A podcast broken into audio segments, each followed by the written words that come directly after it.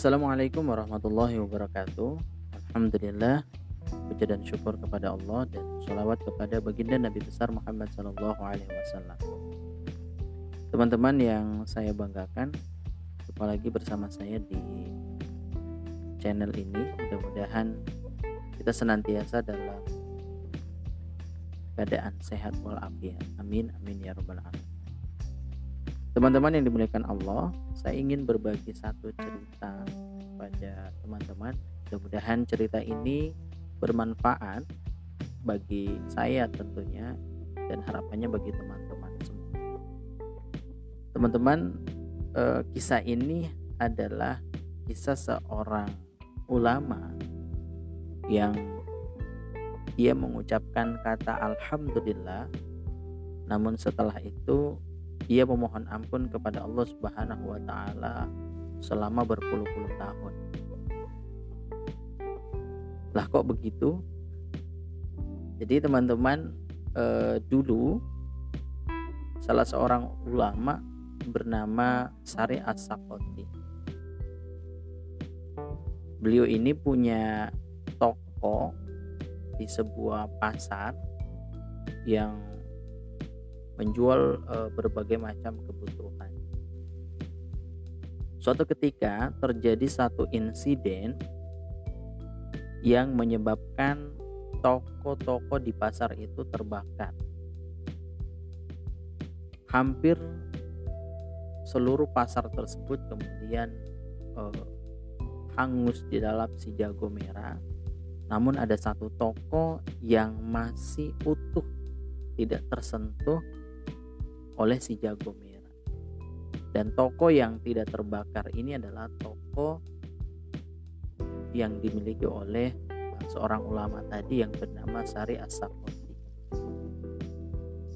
Nah, kemudian mendengar kabar ya, bahwa pasar terbakar, maka Sari as ini bergegas kemudian mengecek toko dan barang-barang yang ada di tokonya. Dan syukurnya toko dan barang-barang beliau itu tidak terlalap si jago merah. Jadi yang di dalam si jago merah itu hanya toko-toko yang berada di samping kiri kanan.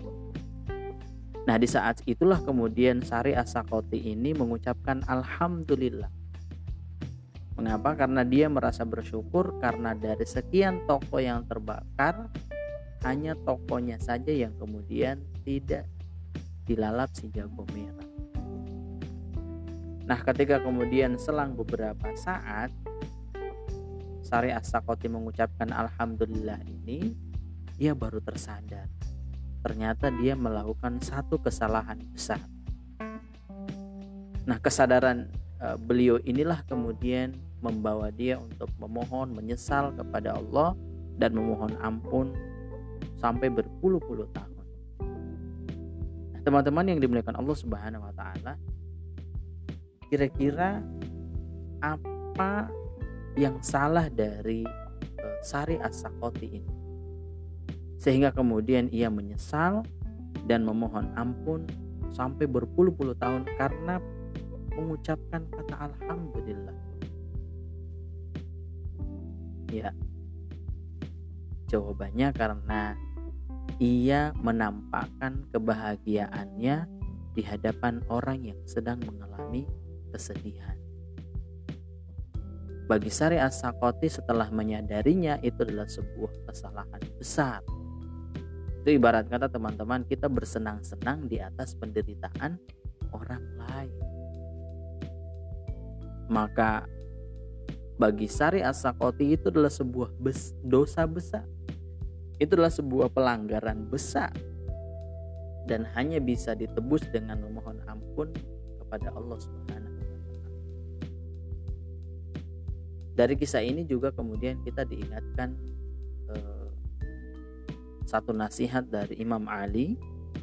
Jadi Imam Ali memberi nasihat tentang kehidupan kepada kita ada tujuh di mana kemudian salah satunya adalah Jangan menampakkan kebahagiaanmu di hadapan orang yang sedang bersedih. kenapa demikian karena hal itu akan menambah kesedihan ya, bagi orang yang sedang dalam keadaan bersedih tersebut dan juga kemudian akan e, tertanam di dalam dirinya kalau Tuhan atau kalau Allah itu tidak adil. Ia diberikan kebahagiaan sementara saya tidak. Tuhan tidak adil. Maka ini menyebabkan seseorang bisa ingkar kepada Allah, bisa berburuk sangka kepada Allah. Maka nasihat dari cerita Sari As-Sakoti ini adalah peduli, care. Mari coba uh, tengok atau mari coba peduli terhadap eh, orang-orang yang ada di sekitar dan jangan sekali-sekali uh, bersenang-senang di atas penderitaan orang lain. Itu hal yang tidak baik berdasarkan cerita ini. Itu teman-teman cerita pada malam ini semoga bermanfaat semoga kita bisa mengambil hikmahnya dari cerita uh, Sari As-Sakot terima kasih atas perhatiannya. Sampai jumpa di episode berikutnya. Assalamualaikum warahmatullahi wabarakatuh.